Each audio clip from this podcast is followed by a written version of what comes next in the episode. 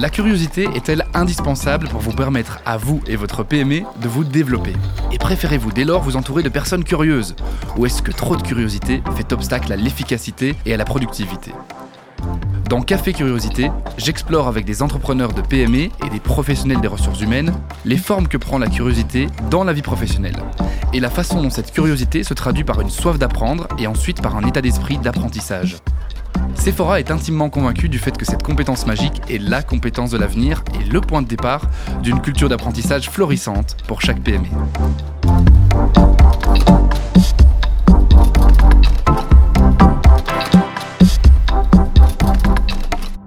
Aline Jordens, euh, bonjour et bienvenue au Café Curiosité. Alors si on a appelé Café Curiosité, c'est pas pour rien. Forcément, on va y parler de curiosité bien sûr, mais également de boissons avant tout. Euh, les sorties au, bar au café, c'est votre truc déjà? Bonjour, euh, bah oui, oui, je vais pas mentir. Une boisson préférée peut-être quand on va au bar? Bah, Personnellement, j'aime tout type de boissons alcoolisées ou non. Ah oui, d'accord. et oui, j'aime beaucoup les bières, bières belges, euh, soit des bières pour l'hiver, des triples ou ce genre de bières, soit plus des ah. bières euh, estivales. On a affaire à une spécialiste quand même, j'ai l'impression. Ouais, vite fait. Ben, ne bougez pas, je suis un peu votre barman du jour aujourd'hui. Euh, aujourd'hui, c'est une, une, bière belge qui s'appelle Anstummelings et j'ai le plaisir de vous la servir. Hop là, la voici.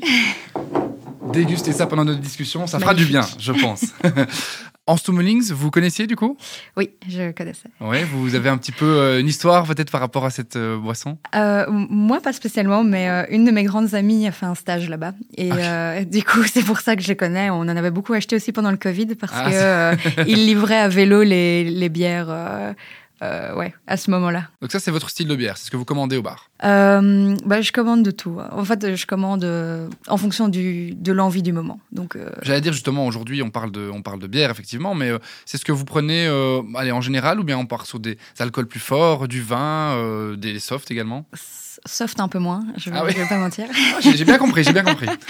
euh, mais sinon, ouais, ça dépend du, du, moment, ça dépend de la météo, ça dépend si on est en terrasse ou à l'intérieur, mais je ne me restreins pas qu'à la bière. Non, il y a l'esprit de en été sur une terrasse, ça fait toujours plaisir. Euh, du vin, mais alors il faut être dans un bar avec euh, du bon vin, ou ouais, parfois des cocktails ou alors, vous êtes Team Leader Innovation chez Amherst Technologies depuis 5 ans et membre du comité de direction de l'entreprise. La société développe des solutions innovantes dans la dépollution des sols, un enjeu dont on ne parle sans doute euh, pas assez, mais dont on va parler aujourd'hui avec vous. Pourriez-vous nous en dire euh, euh, quelques mots? Comment est-ce que l'aventure a commencé? Oui. donc Amherst Technologies, c'est une petite entreprise, enfin maintenant moyenne bruxelloise, qui a, je pense, 8 ans bientôt. C'est euh, une technologie qui a été euh, développée par euh, Yann Amers, qui est le CEO actuel, et Atem Sadawi, qui est le Chief Scientist. Et donc ensemble, ils ont développé cette technologie qui consiste à chauffer le sol pour atteindre des températures auxquelles les polluants sont, passent en phase vapeur. Et après, on extrait ces polluants hors du sol. Donc c'est une technologie de dépollution par chauffage et euh, plus précisément, on désorbe le polluant du sol. Alors, bon, question un peu naïve, mais quel est l'intérêt de dépolluer un sol? Euh, Qu'est-ce qu'on y gagne? Ouais, c'est important de, dépolluer le sol. C'est important bah, de rendre le sol dans l'état dans lequel il était avant que l'homme euh, agisse dessus, pour pouvoir faire ce qu'on veut du sol. Si on veut que ce soit un potager, un jardin pour enfants ou, ou un building ou peu importe. Ça s'adresse plutôt à des particuliers, à des professionnels? Euh, bah alors on fait un peu de tout, c'est-à-dire que parfois il y a des grosses entreprises qui ont pollué et donc ils peuvent faire appel à nous pour, euh, pour la dépollution, mais ça va aussi jusqu'à la personne qui a une cuve à dans son jardin qui a fuité.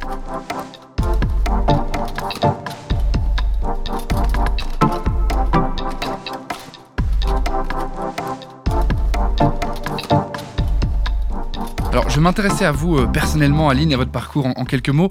Comment est-ce que vous êtes arrivée chez Amherst Technologies et, pourquoi? J'ai fait des études de bio-ingénieur à l'Université libre de Bruxelles. Et euh, bah voilà, les, questions plutôt euh, bah, écologiques, environnementales enfin, m'intéressaient déjà fortement à l'époque. Et après mes études, j'ai un peu voyagé. Et quand j'ai cherché un emploi, je voulais quelque chose d'un peu différent de ce qu'on peut trouver euh, globalement quand on sort d'études d'ingénieur euh, universitaire. Et donc, j'ai été, j'ai entendu parler d'Amherst Technologies via des connaissances et j'ai été assez séduite à la fois par la thématique qui était abordée et bah, par le fait que ce sont des chantiers de dépollution qu'on fait un peu partout dans le monde. Donc, c'est aussi un travail qui nous amène à voyager pour aller voir, bah, voilà, superviser les chantiers qui sont un peu partout. Et donc, tout ça m'a intéressée. Donc c'est un mélange de sensibilité écologique et de voyage, si j'entends bien. un petit peu.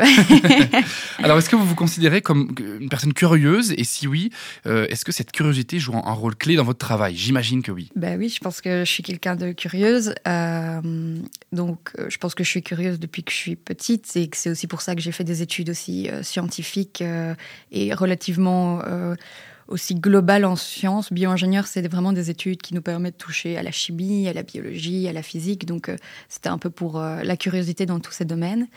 Et maintenant, ben, je suis team leader innovation, donc euh, je supervise tous les projets de recherche et développement.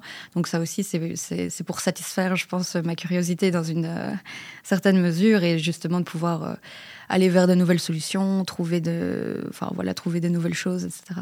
Je reviens un instant sur votre technologie, hein, étant ce qu'elle est, brevetée par ailleurs. Euh, comment est-ce que vous pouvez aller encore plus loin? Et donc du coup, bah, ça, joue avec forcément la, la, la curiosité, la créativité également. Comment est-ce qu'on peut aller plus loin que cette technologie qui existe et qui est brevetée? Euh, en fait, du coup, la technologie, elle a été développée il y a quelques années, mais on est toujours en train de, l'améliorer. Donc la technologie, elle est vraiment euh, c'est une technologie de pointe parce qu'actuellement, comment on dépollue les sols la plupart du temps En fait, on excave euh, les sols et on les envoie ailleurs pour un traitement. C'est un peu un non-sens écologique parce qu'on vient avec des camions, on vient excaver, ça fait énormément de trafic pour les envoyer et être traités plus loin. Nous, ce qu'on fait, c'est qu'on vient traiter le sol à son endroit même. On peut venir faire un traitement qu'on dit in situ. Donc, euh, on vient faire des forages dans lesquels on vient placer des tubes. Ces tubes vont chauffer le sol directement. Et du coup, le polluant va passer en phase vapeur et on va pouvoir l'extraire. Ça nous permet d'agir sous des bâtiments. Donc, euh, par exemple, à Bruxelles, quand on a beaucoup de bah, des bureaux ou tout simplement des, bâtiments et qu'il y a une fuite en dessous, ben, on peut venir faire un, traitement pendant même que les gens travaillent dans le bâtiment au-dessus. Donc, en fait, nos, tubes chauffants euh, qui sont placés dans le sol sont alimentés par des brûleurs. Et ces brûleurs, ils consomment du gaz naturel. Et donc, nous, notre but, c'est aussi de consommer le moins possible dans nos installations. On ne dépollue pas pour polluer autre chose. On veut vraiment aller vers, euh, vers quelque chose de, beaucoup plus euh, durable et, de très écologique. Et donc, toute la recherche et développement qu'on fait euh, actuellement chez Amherst Technologies, elle est axée pour diminuer notre consommation énergétique. On veut aller vers le minimum possible. Et sur les dernières années, on a déjà gagné 30% d'énergie par rapport à ce qu'on consommait avant. Donc, on continue d'aller vers cette direction et tous des projets de recherche et développement divers et variés. Bien sûr. Euh, comment s'exprime la curiosité au jour le jour dans votre organisation, très concrètement? La curiosité, je pense qu'elle commence euh, dans l'open space, c'est-à-dire qu'on est dans une organisation où euh, tous les bureaux sont alignés dans, un grand espace et bah, ça discute en fait, ça discute beaucoup, ça discute à gauche, à droite ça partage des idées. Bah, euh, tous les jours, euh, il y a quelqu'un qui vient s'asseoir à, ton bureau et qui, te pose une question sur bah, ton travail de la journée ou qu'est-ce que tu fais ou n'importe quoi. On échange ensemble sur les projets. On entend quelqu'un dire Ah oui, mais j'ai eu tel problème sur tel projet. Et puis quelqu'un d'autre qui répond directement. Donc, ouais, ça passe vraiment par la collaboration et coopération entre tout le monde. Donc le présentiel est important chez vous Oui, c'est important. Bah, depuis le Covid, on fait quand même un peu de télétravail. Et justement, moi, ça me permet de me concentrer parce que parfois, il y a tellement d'interactions qu'on ne sait pas avancer sur nos propres tâches si, euh, si on ne se prend pas un peu de temps pour soi non plus. Il faut trouver le bon équilibre en fait entre euh, ces, réunions communes finalement et puis ce, travail plus individuel. Tout à fait. Euh, justement, on parle un peu de, brainstorming, hein, j'imagine, mm. en, équipe. À quel moment chez vous est-ce que dans un brainstorming, on s'arrête et on se dit, ok, là, on tient quelque chose Est-ce qu'on on arrête de divaguer, si je puis dire, et on dit, OK, là, on a, on a une bonne idée Je pense que ça dépend des profils de personnes. Il y a des... Donc, quand on va commencer un brainstorming, ça va un peu partir dans tous les sens, et il y a des gens qui vont être super créatifs et qui vont vraiment mais, penser très, très loin, aller très loin dans la réflexion. Et puis, il y a d'autres personnes qui cadrent un peu plus et au bout d'un moment, je pense que c'est comme ça que ça finit par donner quelque chose. C'est un mélange de, ces types de personnalités euh, ensemble. justement, je me demandais, cette curiosité dans l'entreprise, est-ce qu'elle est collective à travers ces brainstorming euh, notamment, ou plutôt individuelle avec une sorte de réflexion euh, presque personnelle qu'on peut avoir chez soi, par exemple en télétravail, ou un mélange des deux peut-être? Oui, j'aurais tendance à dire un mélange des deux parce que parfois il y a des. Je, pense à mon boss qui part en vacances et qui, à chaque fois, il revient avec des idées de brevets. Je pense que ça, c'est de la curiosité personnelle. Il faut partir en vacances, en fait. oui, voilà, pour avoir des idées de nouveaux brevets à déposer. Oui, c'est ça. Mais également, ça vient quand on discute ensemble et que quelqu'un donne une idée ou fait penser à quelque chose d'autre. Enfin, c'est qu'on construit ensemble. Bah, vous, à titre personnel, après le travail, est-ce que vous avez voilà, des moyens de stimuler cette créativité, un, un sport, un attrait pour la culture, des voyages, des rencontres, ou peut-être même des études complémentaires que vous feriez en parallèle du travail? J'ai fait des études là justement fin de l'année passée complémentaires. Euh, j'ai fait une formation en finance. Alors euh, c'est pas très euh, dans la même gamme. C'était plus justement c'était pour ma curiosité personnelle. C'était un monde que je connaissais pas parce qu'en tant que bio-ingénieur ou scientifique, on ne connaît pas trop ce côté-là. on n'apprend pas tout ce qui est économie, finance, comptabilité, etc. Et du coup je me sentais un peu à la ramasse dans ce sujet et j'avais envie euh, de, pouvoir euh, me débrouiller. Donc ça, c'est moi personnellement. Sinon, euh, ouais, je fais... D'autres bulles d'air, ouais, j'allais dire. du sport, ouais, le sport. je fais du football féminin amateur. C'est trop chouette. ouais, et du coup, avec notre équipe, on se, on se retrouve une fois par semaine pour un entraînement de deux heures et les matchs, etc. Donc ça, permet de respirer un petit peu, on va dire. Ouais, c'est euh. ça, et se vider un peu l'esprit. Ça fait vraiment du bien. Est-ce que vous utilisez euh, d'autres leviers pour développer la curiosité dans l'entreprise? Ben, en fait, déjà, dès que quelqu'un a une idée, il peut la partager. Donc, on utilise euh, Teams, par exemple, les outils Microsoft Teams, et on a des canaux qui sont faits pour, dès que quelqu'un a une idée, il peut venir l'écrire dessus et, proposer. On a mis en place aussi un, un comité managérial avec des personnes bah, de, tout département euh, confondu euh, dans l'entreprise. Et l'idée, c'est aussi de venir mettre à l'ordre du jour des idées d'amélioration, que ce soit pour la vie en entreprise, que ce soit technologique, que ce soit processus ou, tout ça. Quoi. Donc, ouais, je pense que tout le monde peut vraiment s'exprimer et donner son avis dans l'entreprise, dans la structure. Je crois savoir que vous avez une plateforme d'e-learning interne pour former les collaborateurs. Euh, ça, c'est un moyen, notamment pour vous, de susciter la curiosité? Euh, Oui, tout à fait. Avant le Covid, on formait nos partenaires, euh, vu que, comme je vous ai expliqué, on a des chantiers un peu partout dans le monde. On formait nos partenaires physiquement sur place. Et avec le Covid, on a décidé de faire cette formation en ligne. Et donc, à la base, c'était pour former des partenaires. Et puis, on la développe pour former les nouveaux employés. Donc, euh, dès qu'il y a un nouvel euh, ingénieur, par exemple, qui commence chez nous, bah, il va euh, avoir une semaine de formation en ligne. C'est des formations interactives, donc c'est cette plateforme d'e-learning dont vous parliez. Il y a des PowerPoint, il y a des questions-réponses, il y a des quiz, il y a des, vidéos, donc il y a plein de matériel, de contenu différents. Et on est de plus en plus en train d'utiliser cette plateforme en fait comme outil de communication interne.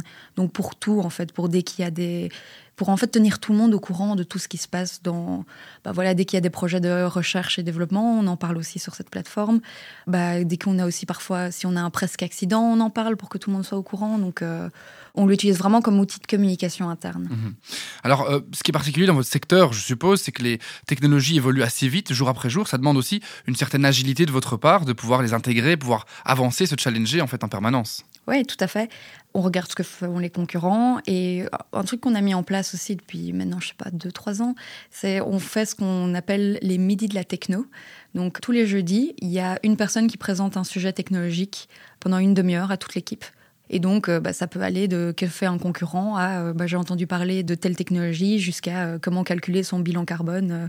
Donc, il y a vraiment des sujets bah, de tout part qui sont abordés. Et donc, ça permet à quelqu'un qui a un sujet d'intérêt de le présenter à tout le monde. Et ça développe aussi, il y a chaque fois une, séance de questions-réponses après, d'échanger vraiment à ces différents sujets qui ne sont pas spécialement liés à notre travail en tant que tel au jour le jour. Euh, donc vous vous formez entre vous, vous vous créez peut-être de nouveaux horizons aussi en, discutant de ces, euh, ces, choses-là. Ok. Euh, la dépollution, c'est finalement un secteur qui, plus largement avec l'écologie, je pense, hein, est à l'agenda médiatique, politique, sociétal. Ça rend le travail plus excitant encore de se dire qu'on travaille sur quelque chose de, très actuel? Oui, je, crois clairement. C'est vrai qu'aujourd'hui, on préfère travailler là-dedans que dans les énergies fossiles. et ouais, il y, a beaucoup de challenges du coup. Et c'est un, domaine où il y a de plus en plus de questions, qui est beaucoup plus, de plus en plus grandissant etc. Donc je pense que tout ça, ça, participe à l'intérêt également. Est-ce que la bière est bonne? Oui, j'ai pas eu beaucoup de temps de boire, mais j'ai bu une gorgée. Ceci est une occasion, euh, Aline, pour vous.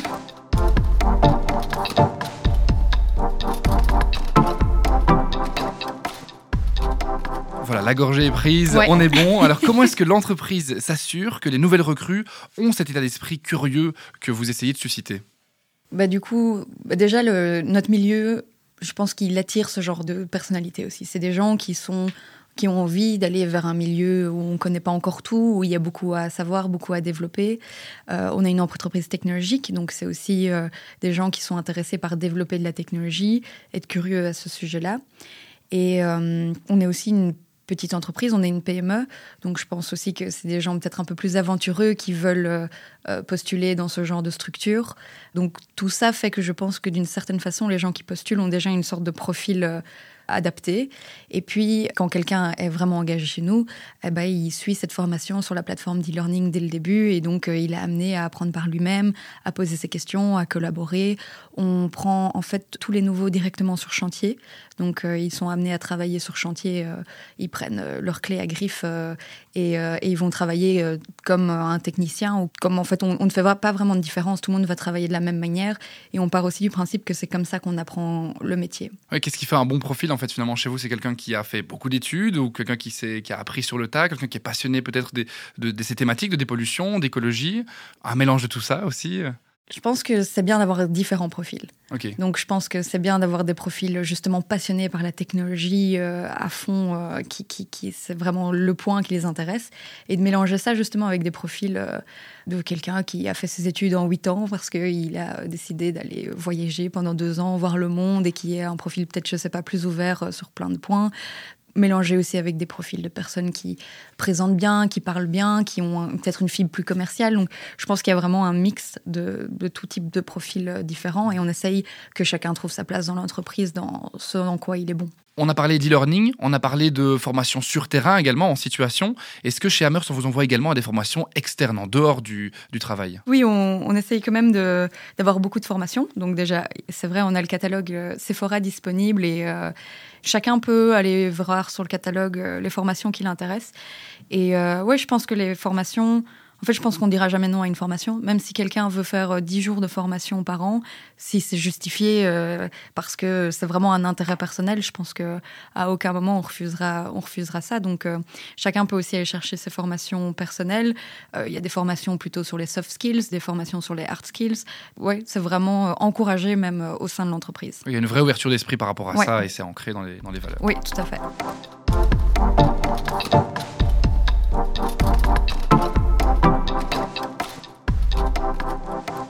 Dans cette période difficile hein, du Covid, comment est-ce que vous vous êtes euh, senti au sein d'Amers? Qu'est-ce que vous avez retiré à titre personnel euh, de cette expérience un peu plus négative? Déjà, en fait, euh, peut-être un truc que j'ai pas encore dit, c'est que avec le Covid, tous nos chantiers, euh, vu qu'on en a beaucoup à l'étranger, se sont mis en pause. Pas que celui euh, du Vietnam, mais vraiment euh, l'ensemble.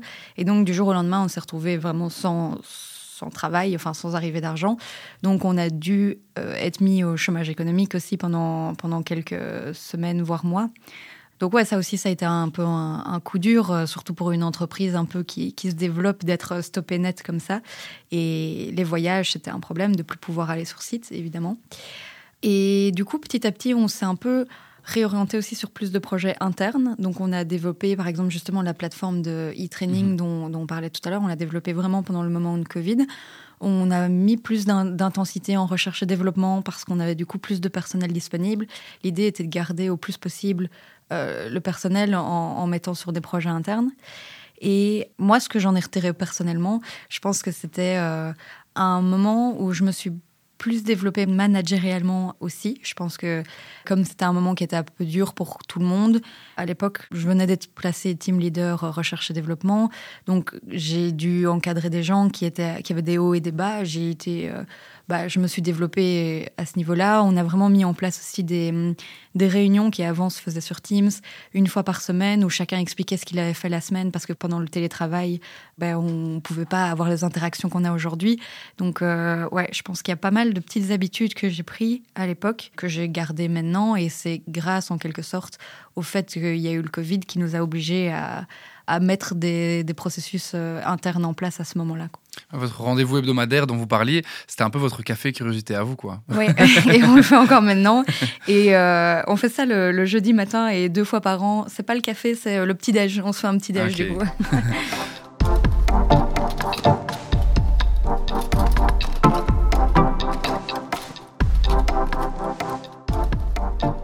Lors de l'épisode précédent, Kat Van Doren du cabinet de conseil ML6 nous a fait part d'un questionnement personnel. La curiosité est-elle quelque chose que l'on a ou que l'on n'a pas euh, Ou peut-elle être apprise comme une sorte de compétence? Je crois qu'il y a peut-être des personnes qui naturellement sont plus curieuses que d'autres, mais je pense que la curiosité est une compétence qui se développe et qu'elle provient, qu'elle se développe surtout à partir des. Des, interactions humaines, des, gens qu'on a croisés, des des conversations qu'on a de, euh, ouais, de tout ça. Euh, moi, j'ai un, groupe d'amis personnellement, et chaque fois qu'on fait une soirée, mais on part sur des questions. Mais quelqu'un pose une question un peu débile, et tout le monde part euh, dans tous les sens pour essayer de donner son avis, de trouver quelque chose. Donc, je pense que c'est dans ce genre de moments, dans des moments en groupe, entre amis, entre familles, avec des collègues, que la curiosité peut se développer mmh. et qu'on continue à à l'entretenir dans, notre vie de tous les jours. Avec tout ça et une bière en Stommelings, évidemment. Voilà, ça aide. Euh, à votre tour, euh, Aline, quelles questions vous posez-vous actuellement autour de l'apprentissage ou de la culture d'apprentissage et pour laquelle vous aimeriez une réponse de notre prochain euh, ou prochaine invité Ouais, donc moi, c'est la question, c'est surtout sur euh, comment utiliser les dernières technologies pour améliorer l'apprentissage. Donc ça peut être pour les étudiants, pour des personnes qui ont des besoins spécifiques, euh, par exemple des personnes âgées ou des personnes qui ont des troubles euh, particuliers, ou alors en entreprise, on a parlé par exemple du e-learning, qu'est-ce qui pourrait d'autres, enfin qu'est-ce que qu'est-ce qui pourrait être mis, là c'est la Hans qui parle, quoi d'autre pourrait être mis en place pour justement améliorer l'apprentissage Eh bien, il faudra écouter euh, le prochain épisode, le prochain podcast. On est en train d'y répondre avec notre invité. Nous voilà donc euh, arrivés au bout de cet entretien. Merci beaucoup, Aline, pour vos réponses. À vous.